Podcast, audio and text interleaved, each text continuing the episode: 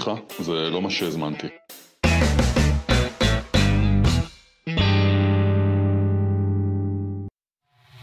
הרדיו החברתי הראשון.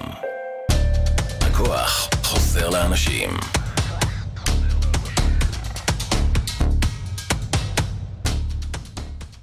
שלום, שלום, אנחנו ברדיו החברתי הראשון, בפרק מיוחד.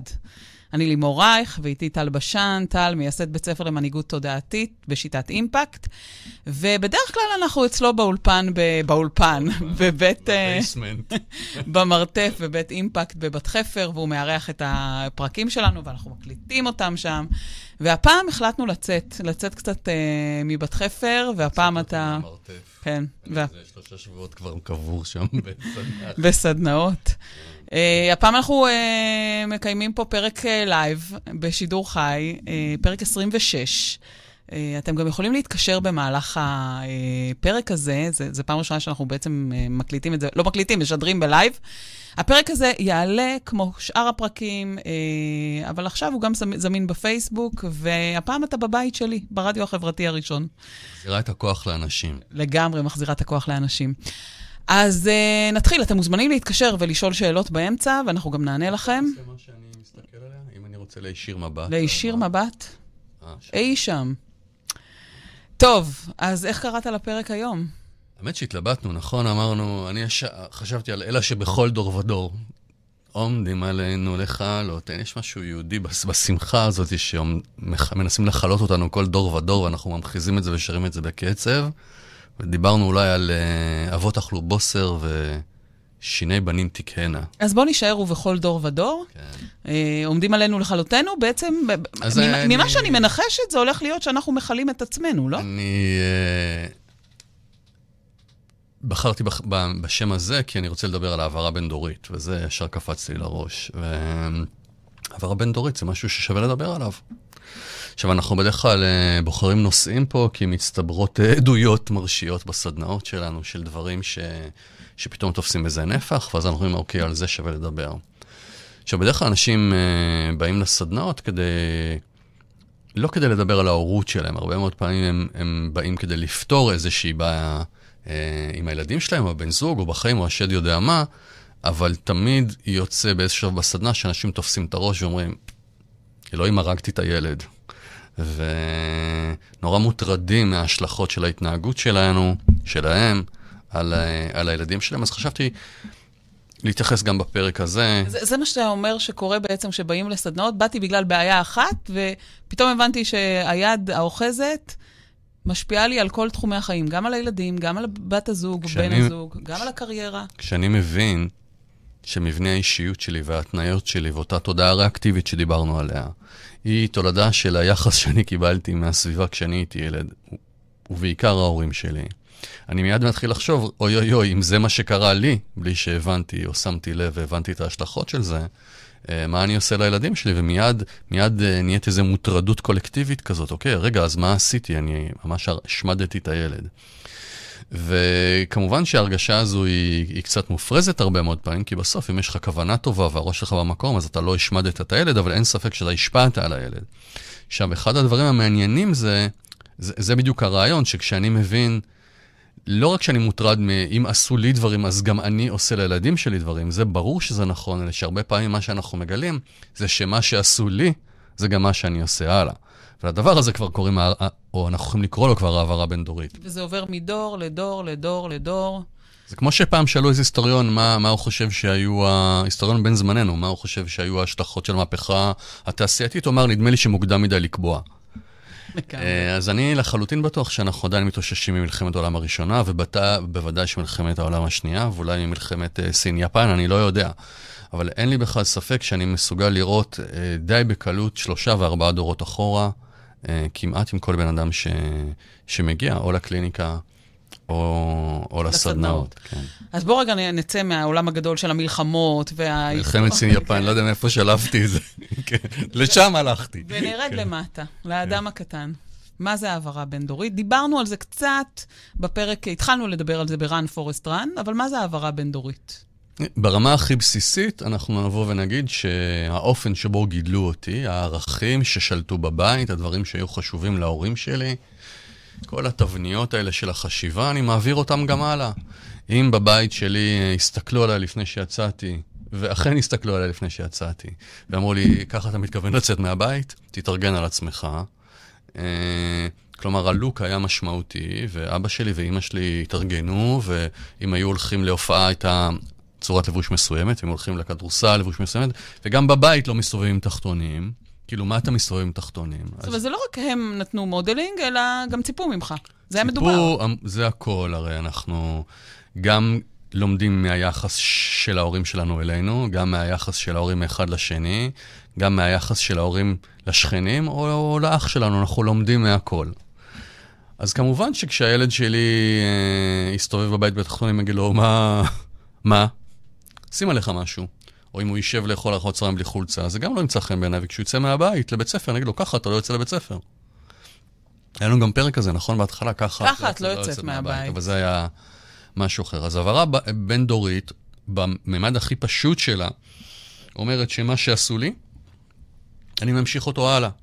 לעתים זה ערכים ותפיסות עולם נהדרות, כבוד האדם, אה, אסתטיקה, שמירה על כדור הארץ, טל, אה, זה משהו שאני עושה במודע, או שפשוט זה, זה הוטמע בי, זה כבר כאילו אולי אפילו חלק מה-DNA שלי, וזה מה שאני יודעת, זה מה שאני מכירה, זה מה שאני עושה. או שאני חושבת על זה, רגע, אצלנו בבית יצאו מאוד מסודר, אצלנו בבית לא יצאו יחפים החוצה.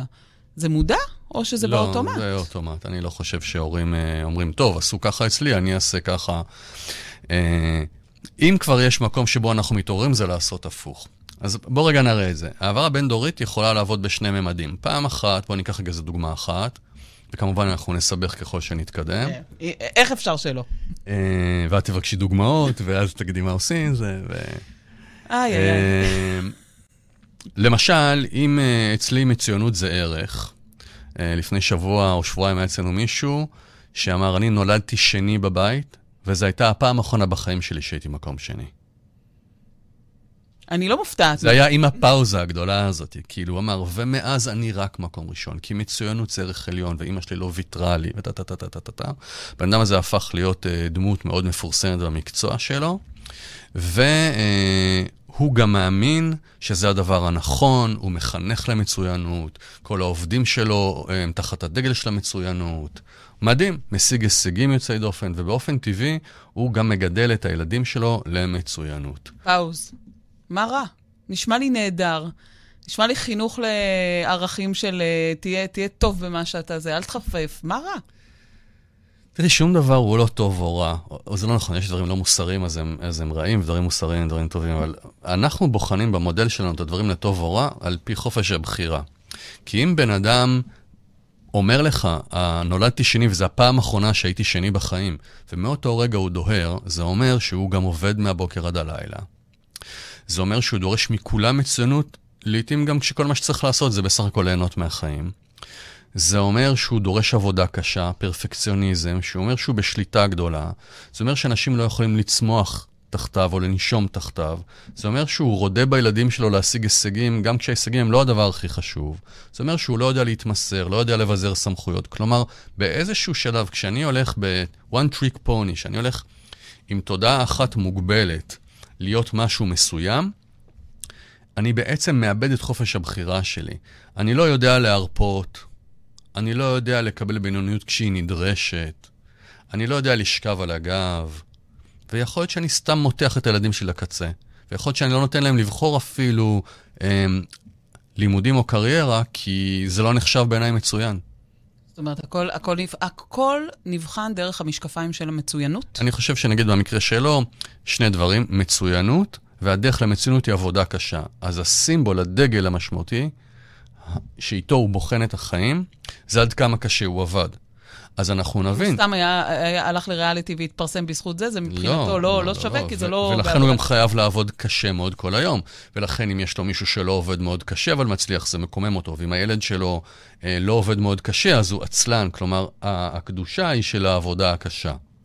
עכשיו, וואלה, לחיות חיים בעבודה קשה, אני לא יודע אם זה הדבר שאני הייתי אומר, מטרת החיים היא, היא, היא לעבוד בעבודה קשה. בטח לא בילדות, כשאנחנו כן. אמורים גם לשחק וגם קצת אה, להתבטל ולגדול, אתה יודע, להיות הרבה- ילדים. יש הרבה דברים. להרפות הוא לא יודע, והוא מחזיק פירמה מאוד מאוד נוקשה, והתחלופה שם מאוד מאוד גדולה. אז זה המחיר. המחיר הוא כאשר אני בעצם בוחר בחירה באופן לא מודע, אז אין בה חופש. וזה גם בן אדם שאת תראי שבעבודה הוא לא מרשה שידברו על פוליטיקה, ובעבודה הוא לא מרשה מינגלים. והוא, ואם יש משהו שהוא לא רלוונטי לעבודה, לא, אז אין חיי חברה בעבודה. הוא מחזיק ארגון ביד מאוד מאוד קשה. והארגון הזה, בסוף גם היצירתיות שלו מתה, כי אנשים מאוד מאוד... נכנסים לתוך שטנץ של אה, עבודה קשה ולא ממש... ולפי אה, זה הוא גם בוחר את האנשים. עכשיו, אבל אנחנו עסקינן בהעברה בין-דורית.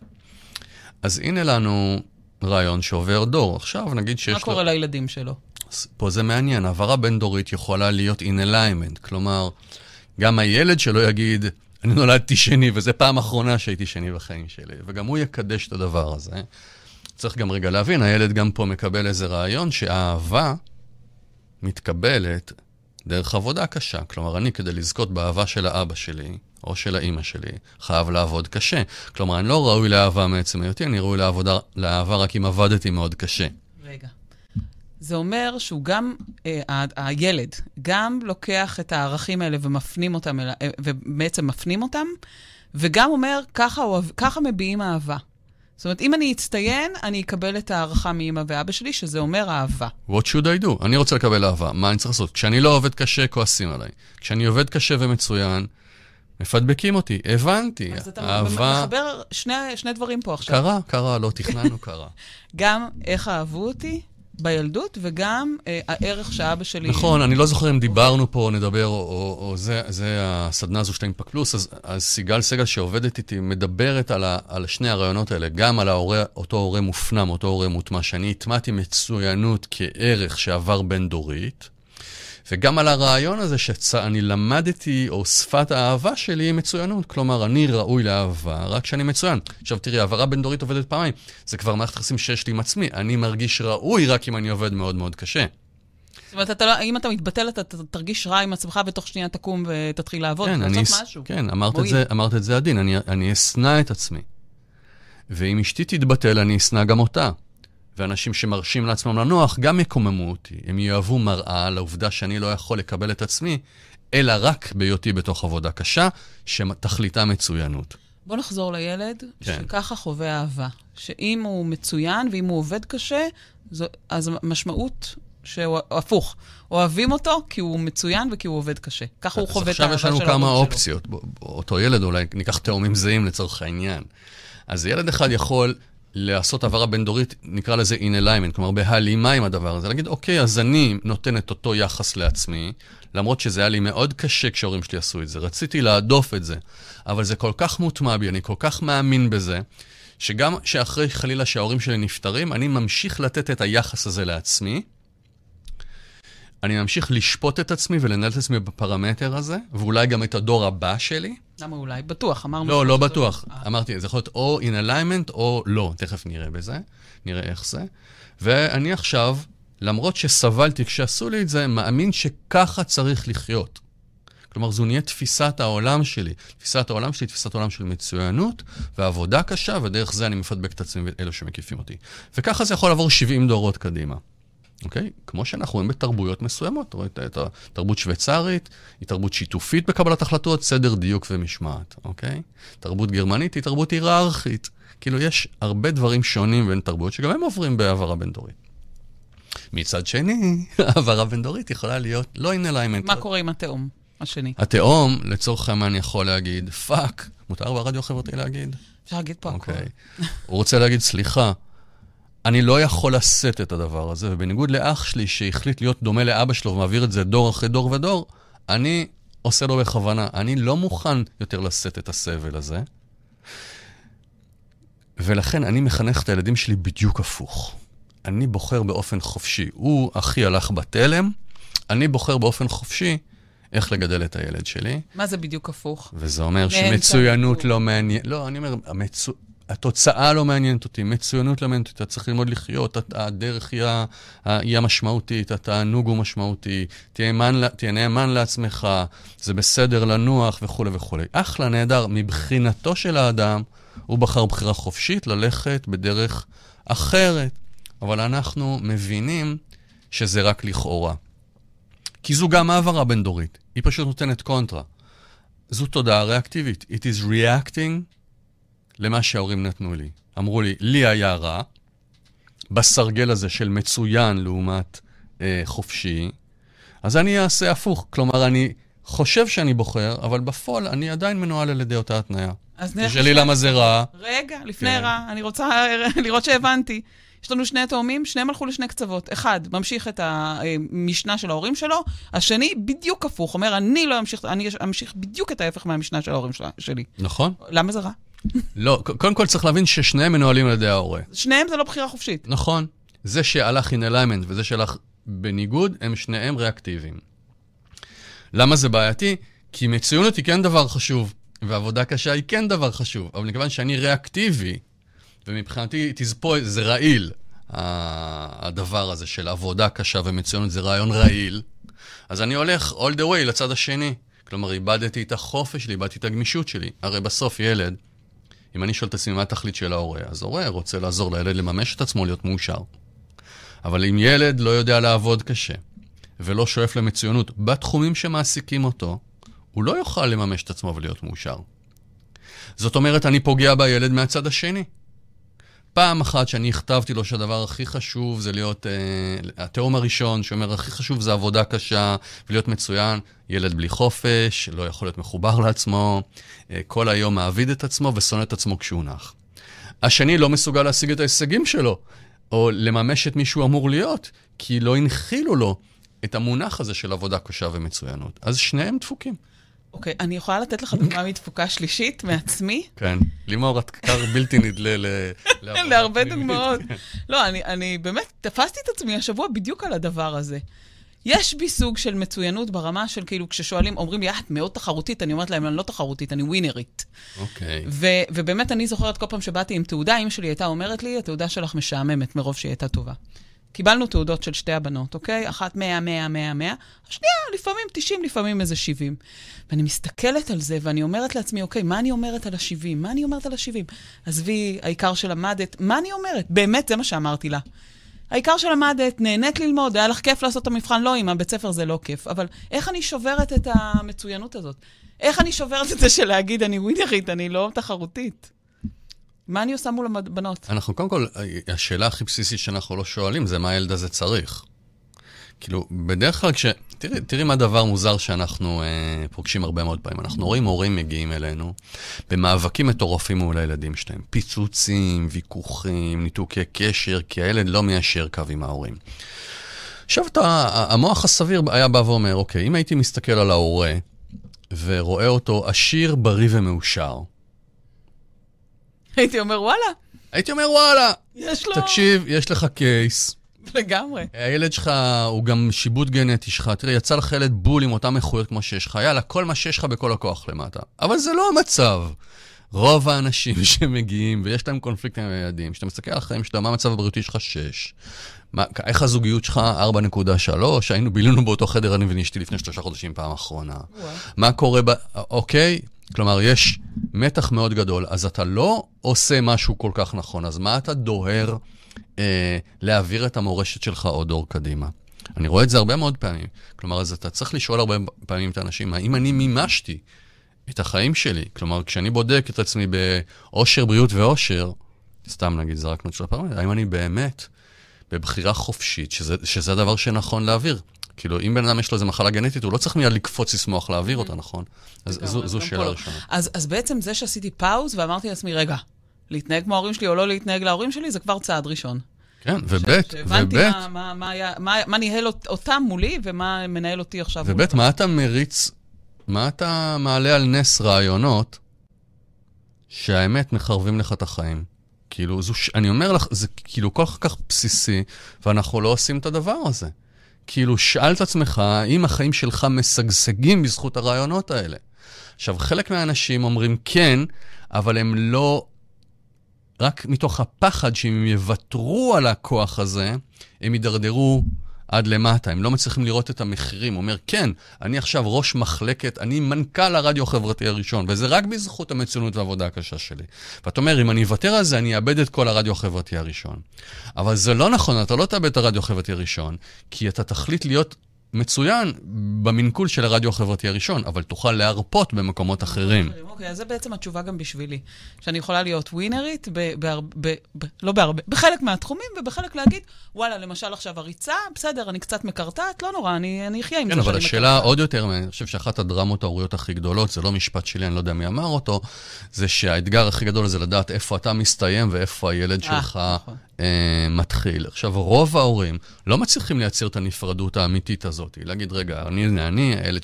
לימור היא הבת שלי, לי ולימור אין בכלל תכונות דומות, אנחנו שונים, יש לה רק 50% מהגנים שלי, תחומי העניין שלה, העוצמות, התשוקות שלה שונות בתכלית. ועכשיו אנחנו נכנסים עוד יותר עתיק למשפט שאנחנו יודעים מי אמר אותו, ש... שאומר חנוך לנער על פי דרכו.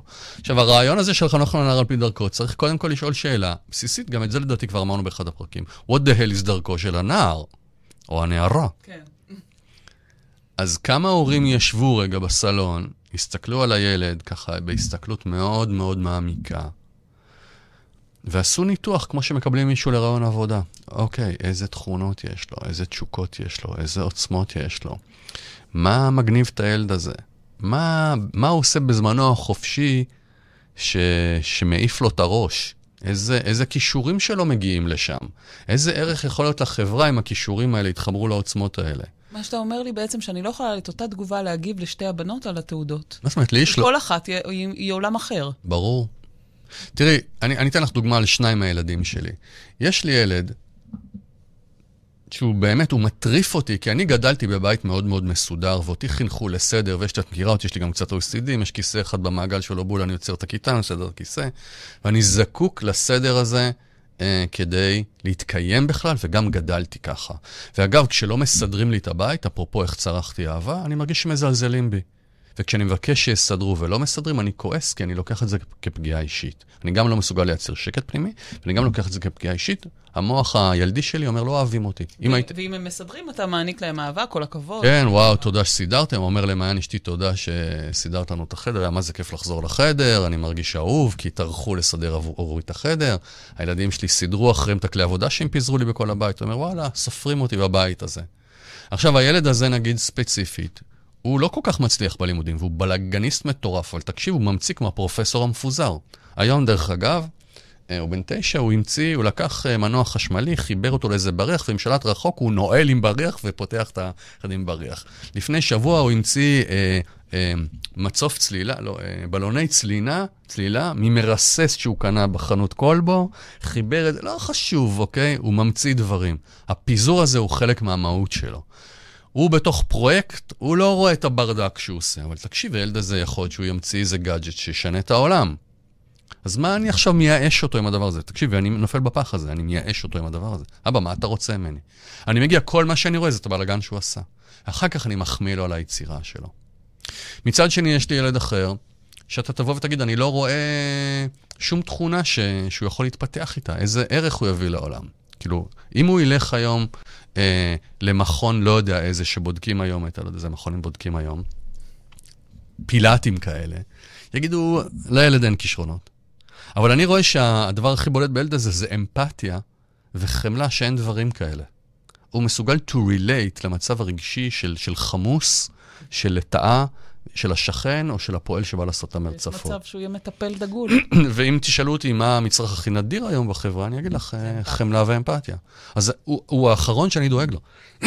אז זה אומר, סליחה רגע, שאני רוצה לגדל את כל אחד מהילדים האלה in alignment, לא יודע, אהבתי את המילה הזו היום, בהלימה עם אותה תשוקה ועוצמה שיש. אחד, יש סיכוי שהוא יהיה מטפל אם זה מה שהוא אוהב. כרגע הוא מתאגרף, אבל זה בגלל שהוא מפחד אה, מהגנגסטרים מהבית ספר. והשני, אה, אני אזרוק עליו כל הזמן ברגים, מנועי חשמליים, מעגלים חשמליים, כי... וכבר יצא מזה משהו יצירתי. כן. אז איך, בינתיים שאתה שותה, אני רק אזכיר, אה, אם אתם רוצים להתקשר, היות ואנחנו עושים, אה, עורכים את הפרק בשידור חי, אז אם אתם רוצים להתקשר, אז יש לכם פה את הטלפון אה, ב, בתחתית המסך, אתם יכולים להתקשר, לשאול שאלות, אה, אנחנו כמובן נתייחס לזה, ואם לא, אנחנו ממשיך, נמשיך עם הדוגמאות אה, שיש לנו מהסדנאות. אז אני רוצה עוד דוגמה, כי אני מאוד מאוד לי, מאוד אוהבת דוגמאות. האמת שיש לי, בגלל שאני כבר אה, חי בפחד עמוק ממך, אז הכנתי אה, דוגמה. אני שמחה שיש לי סמכות אה, הנחייתית. אפילו הכנתי דף הפעם. עוד דוגמה, גם אותה נתנו פעם, ו- וצריך רגע להבין איך התנהגות ריאקטיבית להורים שלנו, למשל, מש... עוברת גם מדור לדור, אוקיי? וזה אגב דוגמה, דוגמה, אני אעלה אותה כי אני רואה אותה הרבה פעמים אצל הרבה אנשים, כלומר, היא לא אירוע חריג. יש שאלה קבועה אצל הורים, כמה להחזיק קצר את הילדים, או כמה לשחרר, כמה להיות בפחדים, או כמה להיות באמון. אלה, אלה שני צירים קלאסיים, נכון? כמה להיות באמון, או כמה לתת לפחד לנהל, כמה להחזיק קצר בשליטה, וכמה לשחרר, זה, זה יושב קצת על אותו ביט. דור אחורה, של הורינו, כאילו זה קצת תלוי בגיל, אנחנו רואים מדיניות יותר של להחזיק של קצר. להחזיק קצר. מלחמת העולם הראשונה, מלחמת העולם השנייה, אה, סין יפן, ברור. אה, יוצאי חבר העמים, צריך להחזיק קצר, זה חלק מהתרבות. אוקיי, יש הרבה מהדבר הזה בתוך דמנו. זה הוליד דור שאמר, אני לא אהיה אבא שלי, אני לא אמא שלי. כמו שהחזיק אותי, אני לא מוכן להחזיק, ומייצרים סלידה. מאוד, ח- ומתחילים לקדש ערכים של חופש, אמון בילד, חופש בחירה, בית ספר דמוקרטי, בית ספר זה, בית ספר זה. בפרספשן שלהם הם אומרים, זהו, אני, אני השתחררתי, אני עצרתי את הווישס סייקל הקרמטי הזה, ואני כבר הורה חדש. אני מסתכל על ההורה שלי כהורה ישן, לא מפותח, אני בוחר בחירה נעלה מבחינה ערכית מוסרית. יש איזו תחושה של עליונות. אני עושה אחר, אני נותן חופש, כי גם חופש זה רעיון של מודרני. אבל טל, אתה לא התאום השני מהדוגמה הקודמת? נכון, אני שוב, הדאום, אני שוב התאום השני, זה פשוט עוד דוגמה, כי את ביקשת. זה פשוט עוד דוגמה שגם לה יש מחירים חמורים. צריך להבין שתמיד פעולה ריאקטיבית יש להם. איזה מחיר חמור יש לזה, שעכשיו אני גדלתי בבית מאוד מאוד מאוד מאוד מאוד, אה, אה, עם משמעת מאוד אדוקה, ועכשיו אני נותנת לילד שלי חופש, וחופש לבחור, ושיתפתח, ושיגלה בעצמו את העולם. עד לפה הכל מושלם, אלא שברגעים שבהם נדרש גבול, נדרשת קשיחות, נדרשת קונטרה כדי שילד יצמח, אני לא מסוגל לעשות אותם, כי אני לא מוכן להיות. אני לא מוכן שילד שלי יחווה את מה שאני חוויתי, ואני לא מוכ... מוכן להיות ההורה שאני כבר לא מוכן להיות, אפרופו run forest run, הפרק ההוא שלנו. אז אנחנו מגלים ילד שאחד לא יודע להתמודד עם סמכות, והוא יצא לעבוד אה, ברדיו החברתי הראשון, בהיררכיה הענופה שלכם פה, והוא לא יודע להתמודד עם קונטר וסמכות, ובתסכול הראשון שהוא יחווה, כי מישהו אמר לו לא, יגיד, אה, זה לא בשבילי, וילך. או בזוגיות שבת הזוג שלו תתעקש ותשים לו גבול, להגיד, אה, לא אוהבים אותי, כי הוא צרך אהבה דרך אין גבולות. אז הוא יגיד, אה, היא שמה לי גבול, היא, היא מקשה עליי, אז היא לא אוהבת אותי, ביי ביי, שלום. ו... או שהוא אפילו במקרים קיצוניים, ואני אומר לך ככה בשליפה, יש לי עשרה מקרים כאלה בראש, שבהם היעדר גבול נחווה אצל ילדים רבים כחוסר אכפתיות, כאפתיות, אפילו כהזנחה. ואני רואה ילדים בדור השלישי הזה, שמכיוון שהנפש זקוקה לגבול, כי בגבול היא מרגישה ביטחון, ובגבול היא מרגישה שאני יכולה, אני, אני יכול לסמוך על ההורה שלי, כי הורה שלא שם גבול, אני לא יכול לסמוך עליו. אם אני לא יכול לסמוך עליו, הנפש מחפשת את הגבול. את תראי ילדים שמקצינים את ההתנהגויות שלהם, מקצינים את ההתנהגויות שלהם בשאיפה שיהיה גבול. הולכים לסמים, הולכים למקומות שבאמת של הפרינג' של החיים, וזה לא קורה. איזה הורים הם יהיו? אנחנו מדברים על העברה בין-דורית. אני מבינה, אה, הסבא, איך הוא היה. אתה מתאר לי עכשיו את, ה, את הבן, איך יהיה הנכד? אנחנו לא יודעים, הוא יכול להיות כל אחד מהתאומים. הוא יכול להגיד, לי נתנו חופש קצת, אם הוא מאוזן, הוא יגיד חופש זה דבר, דבר טוב, אבל צריך לתת גבולות. אם הוא יגיע לאימפקט, אנחנו נגיד לו, תקשיב, איבדת את נקודת האיזון. לא, אז רגע, אני רוצה לפני שאתה מגיע לאימפקט. אז איך יהיה הנכד? הנכד יכול או להיות in alignment או הפוך בהעברה הבין-דורית. אוקיי. הוא יכול להגיד, גם אני אתן חופש, אבל אם החופש שלו היה מופרז, נגיד הוא הגיע כבר לבית חולים, זה סיפור אמיתי פשוט, הגיע כבר לבית חולים לחולי נפש, כי סמים וטה טה טה טה טה טה, ונמחק לו, אז הוא יבין שהוא צריך להיות, אה, להחזיק יותר קצר. אבל הוא יכול לתקן עוד פעם תיקון תותחנים לצד השני. זאת אומרת, הוא יורד להחזיק קצר, בדיוק כמו הזה, לא, לא בחירה. את, מה שאתה אומר לי כרגע, שזה יעבור דור, דור, דור, דור, כל עוד זה ריאקטיבי. כל עוד זה לא בחירה חופשית של האדם, כל עוד הוא לא במודעות, שזה מה שעובר עליו. נכון? מה קורה כשמגיעים לסדנה? למה מגיעים איפה? לסדנה? למה? אבל אנחנו רוצים לקטוע את זה, אנחנו... למה מגיעים לסדנה? מגיע לסדנה הבן אדם שמבין שהמציאות כרגע אומרת לו, you're lost. אתה, אתה עושה משהו לא נכון. ובדרך כלל זה מגיע דרך קונפליקטים. כלומר... איך אני יודעת שאני עושה משהו לא נכון? אני מחנכת את הילדים שלי למצוינות. כן, אבל אם, מה נכון בזה? אם אני מאבדת את... המציאות צועקת. אם את מנהלת אותם למצוינות, והם שמחים, את שמחה, יש הישגים, יש הרמוניה, הילד בהרמוניה, כולם בריאים, אין סיבה להגיע. אבל את מתחילה להרגיש שמשהו בעייתי, שהילד מידרדר לך, שהקשר שלך איתו מידרדר, שה... שהוא, יש לו פסוריאזיס, שהוא מתנתק חברתית, שהוא רב איתך כל יום, משהו במציאות חייב לצעוק שאני עושה משהו לא נכון. הוא מידרדר פתאום בלימודים, הוא יוצא עם חברה לא נכונה, פתאום תפסתי אותו עם סמים, לא יודע מה, שותה לי חשיש. ואז העולם שלי מתמוטט, כי העולם שלי הוא, הוא מושתת על מצוינות ועל עבודה קשה ועל ערכים. כן. ואז מה? אני מגיעה ו... אז עכשיו אני רוצה לתת דוגמה שלישית, שהיא ככה מהזמנים האחרונים, והיא מגלמת ארבעה דורות, וזה פשוט נורא יפה לראות. אז מגיעה אלינו מישהי שהיא מנהלת, ויש לה שתי זירות של כאבים, אחת זה מול הילד שלה דווקא בבית ספר. הוא משחק עם הילדים, אם ילד לא מוסר לו, או ילד לא מתנהג בדיוק כמו שהוא רוצה, או שילד חולק במשחק איתו ועם מישהו אחר, הוא מתפוצץ, מפוצץ את המשחק, הולך מכות, דוחף, וכשהיא באה לקחת אותו מבית ספר, הוא אומר, אף אחד לא אוהב אותי. כלומר, הילד מפוצץ אירועים חברתיים. על מה? על זה שלא אוהבים אותי. והסיפורים הם טיפור, תמיד סיפורים של הוא לא, לא מסר לי, לא עשה כמו שרציתי, או שיתף מישהו שלא רציתי לשתף. זאת אומרת, הילד, מנקודת מבטו, הוא, הוא צריך לשלוט בסיטואציה? מבח... שכולם יעשו בשבילו הכל? מה, לא- מה הוא חווה כלא לא כאהבה? האימא מגיעה מוטרדת, היא כבר הייתה אצל היועצת, וכבר הייתה אצל הפסיכולוגית, וכבר יש רטלין, וכבר אולי יש פסיכיאטר, כי התגובות מרגישות קיצוניות, הוא גם לא מוכן שאף אחד יגיש לו את האוכל בבית חוץ ממנה, והקורנפלקס חייב להיות בצלחת שהוא רוצה, ואם לא, אז יש התקפי זעם, והיא צריכה לצאת לעבודה, והיא לא יודעת מה לעשות, זה או מלחמת עולם איתו, או לוותר לו, וב-99 מ-100 היא מוותרת לו. אני חייבת להגיד שהסיטואציה שאתה מתאר פה היא לא הזויה, היא, זה משהו שקורה בהרבה בתים. אז היא אומרת, I have created a monster. יש לכם שאלה, אתם רוצים לענות עליה? אה, אנחנו נשמח. אוקיי, כן. אני אקרא אותה? כן. אוקיי. אז אנחנו אה, כרגע נקריא את השאלה. יש רגע היסטורי. כן, אז, אז שואלים אתכם, כשאנחנו מבינים את הדברים הלא טובים שעשינו כהורים, כמה להעביר את ההבנה הזו לילדים ובאיזה גילאים? האם להיות אלו שמתחילים את השיחה, או להעלות את הנושא כאשר נער מבוגר או צעיר עם התנהגויות שונות ומשהו שמפריע לו עולה, מתחיל לדבר על עצמו, ואז לדבר על החוויות שונות מהילדות שההורה מודע היום שלא היו טובות. אני לא בטוח שכל הילדים בכל הגילאים מסוגלים להתמודד עם הרקע ההיסטורי שלנו. הרבה מאוד פעמים הדבר הזה קצת מרגיש כמו נס רגשי, שאני אה, מעביר את הטראומות שלי לילד. אם אתה חושב שהתנהגת בצורה לא נכונה שגרמה נזק לילד, והילד בעט בך הרבה מאוד פעמים, אני חושב שהדבר הראשון לעשות הוא לקחת אחריות, להגיד, סליחה, טעיתי. טעיתי, והדבר השני זה לייצר הכרה עמוקה בחוויה של הילד.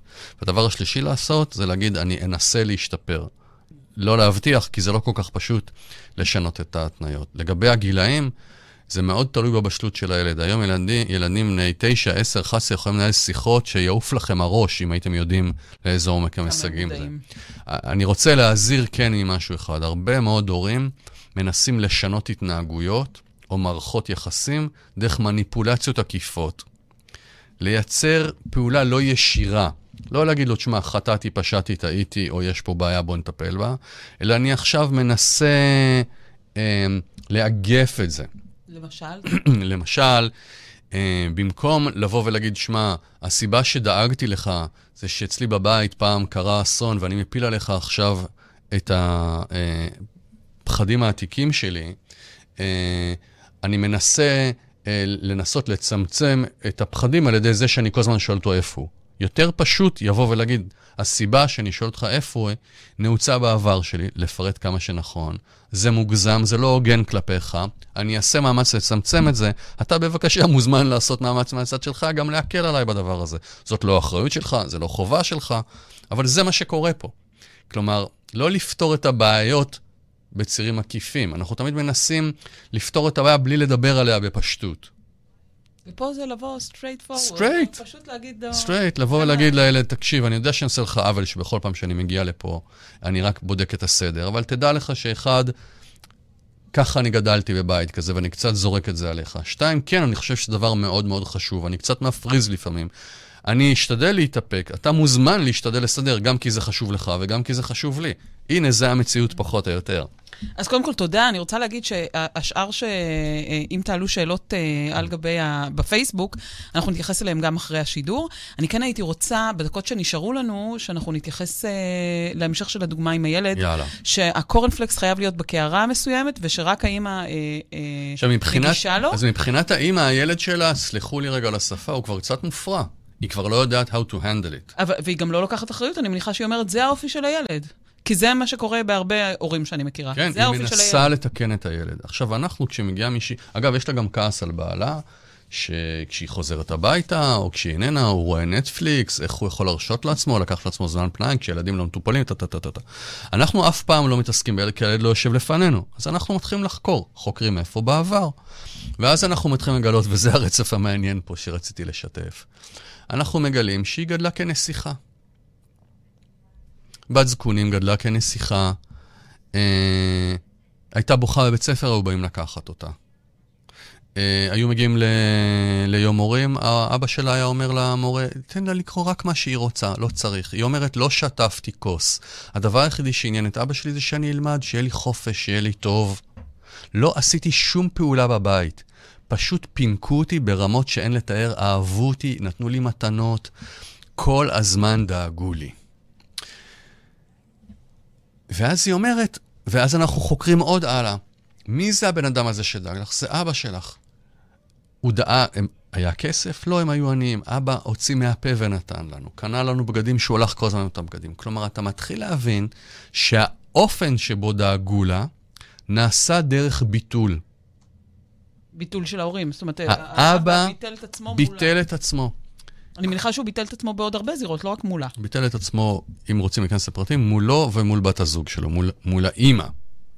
אבל יש פה מישהו שכל הזמן עסוק בילדים שלו, והיא לומדת באופן לא מודע, וזו מה שאנחנו קוראים לו משוואה תודעתית, זה אחד הדברים שאנחנו מחפשים בקורסים, שהאהבה באה דרך ביטול מוחלט. זאת אומרת, אם מישהו מבטל בפניי את עצמו טוטאלית, הוא אוהב אותי. זו שפת האהבה. אני אחפש בן זוג, אם הייתי היא, הייתי מחפשת עכשיו בן זוג שיבטל את עצמו מולי, שיעשה בשבילי הכל. התת המודע הוא יותר מתוחכם, בוא ניגע בזה אחר כך, הוא יכול לבחור או מישהו. שיבטל את עצמו, או מישהו שלא ייתן לי לנשום כדי שאני אלמד שם את השיעור, או מישהו שחי את עצמו במלוא עצמו, יש הרבה אופציות. אבל בוא נחזור לילד. בוא נחזור, כי זה טיפה מורכב פה, אני צריך להחזיק גם את הרצף, זה ארבעה דורות. עכשיו, היא גם הולכת לעבודה, ונותנת את הנשמה ב-100%, כי או שעושים באופן טוטאלי או שלא, אבל כשהיא חוזרת הביתה, יש לה תבנית של בית, ובבית היא מצפה להיות הילדה הקטנה, שיפנקו אותה ב-100%. וכשבעלה לא עושה את זה, היא מתפוצצת עליו. היא אומרת לו, אחרי כל מה שאני עושה בעבודה, אתה לא יכול טיפה להקדיש לי פה? הוא אומר לה, אני לא אבא שלך. אבל כשאנחנו חוזרים לאבא שלה ומנסים איפה, זה, איפה הוא גדל, אנחנו מגלים שהוא גדל בבית מאוד מאוד נוקשה, עבד, כמו שהיא אומרת, הוא עבד כמו חמור, ואפילו ללמוד לא נתנו לו, ואת הכסף מהעבודה שהוא עבד בשוק, אבא שלו לקח לעצמו. אז הוא בתודעה ריאקטיבית, רצה רק שהיא תלמד, ו... הוא אמר, אני לי לא- לא נתנו ללמוד, אני עבדתי כמו חמור. את הכסף שאני עבדתי לקחו לי, אני הייתי צריך להילחם כדי זה. הילדים שלי, אצבע הם לא ירימו. לא ינקפו אצבע, רק ללמוד מה שהם רוצים. אז הוא בריאקציה לאבא שלו. עכשיו, מה תשאלי? מה קורה עם האבא של האבא? מה קורה עם האבא של האבא? האבא של האבא, אימא שלו מתה בלידה. תקשרי, לימור. לא, אין לי, אין לי חוט כרגע מקשר. זאת אומרת שהביטול המוחלט, הוא, זה התחיל במקום של האימא.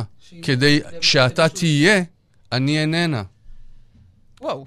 אז יש לנו אימא שמתה כדי לתת חיים, יש אבא שאומר, לא, לא, לא, לא, אתה תעבוד קשה בשביל למלא אותי. יש ילד שאומר, סבא שאומר, אוקיי, עשו לי, מחקו אותי ככה, אני אמחוק את עצמי כלפי הילד וכן הלאה וכן הלאה. יש לנו ארבעה דורות של ביטול מחיקה, ביטול מחיקה, ומשוואה שאומרת ביטול מלא, מחיקה מלאה, שווה אהבה. וככה היא מגיעה לך לסדנה. מזל שאחרי כמה דורות אה, יש מישהו שחוטא... וככה היא מגיעה, היא כועסת על הבעל שמרשה לעצמו לקחת לעצמו זמן פנאי. איך אתה מרשה לעצמך לשבת ככה זמן פנאי? כי היא לא יודעת לעשות את הדבר הזה. כי כשהיא, נות... כשהיא מול הילדים, היא גם מבטלת את עצמה. היום לקראת המפגש התכתבתי איתה, כי, כי לא ראיתי אותה הרבה מאוד חודשים, אבל נזכרתי פתאום ב, בסיפור הזה, אומרת לי, כן, כן, אני עד גיל שמונה ניגבתי לו. לילד.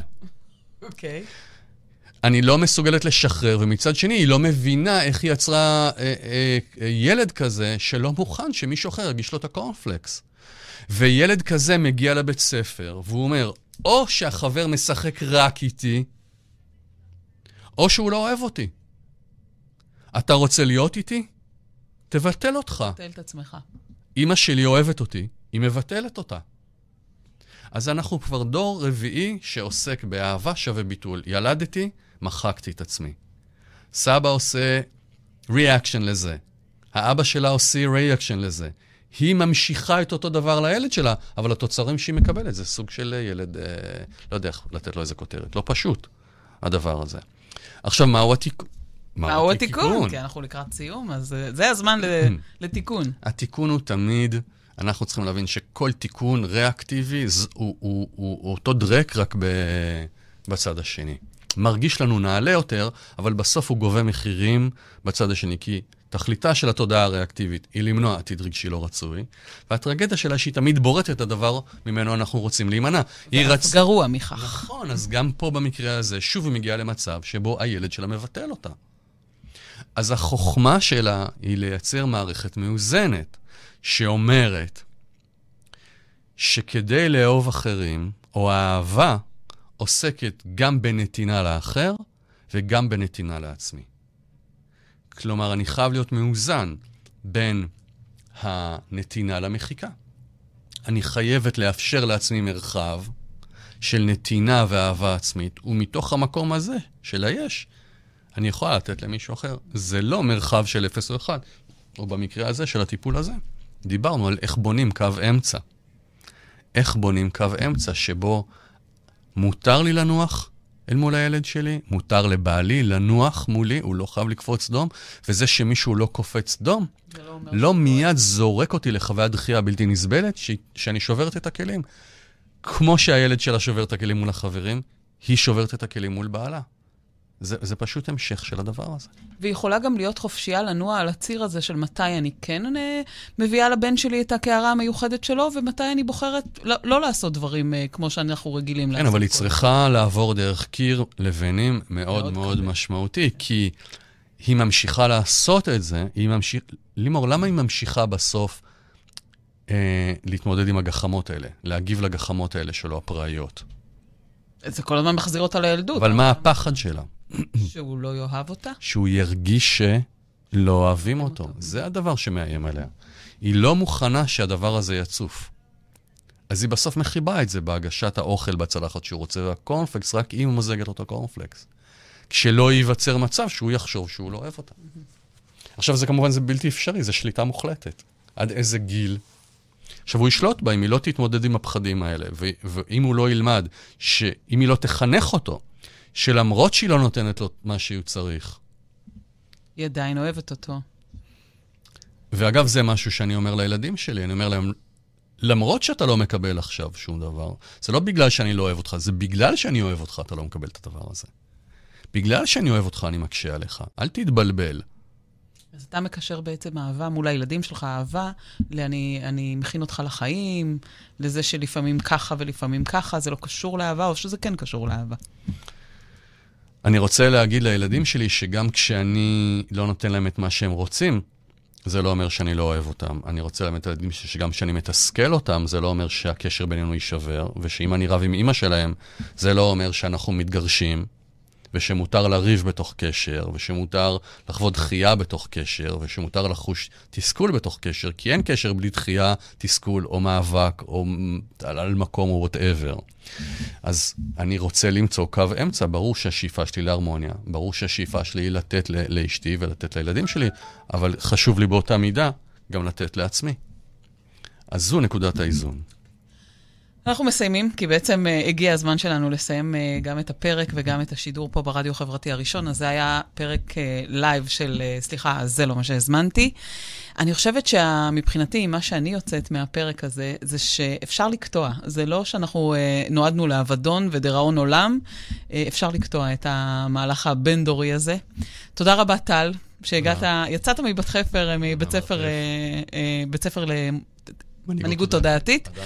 כן, והגעת לרדיו החברתי, ותודה רבה לכן שהיה איתנו פה בשידור, ותודה לכם שהייתם איתנו, זה יישאר גם בפייסבוק, וכמובן גם יעלה בכל הפלטפורמות. משפט אחרון שאתה רוצה לומר? תודה, לימור, ומי שרוצה להמשיך להעמיק פעם בחודש, עדיין מפגשי העמקה, אה, יש לינק תמיד בתוך כל פרק כזה, קבוצת וואטסאפ כזו, פעם בחודש נפגשים לשעה וחצי, מדברים את החומרים לעומק, זה די מעניין. אז מוזמנים גם להצטרף לקבוצת הפייסבוק שלנו, סליחה, זה לא מה שהזמנתי, וכמובן כל הכישורים נמצאים uh, בכל אפליקציית uh, פודקאסטים הקרובה לביתכם, ספוטיפיי וכו'. תודה רבה רבה. הרדיו החברתי הראשון. הכוח חוזר לאנשים.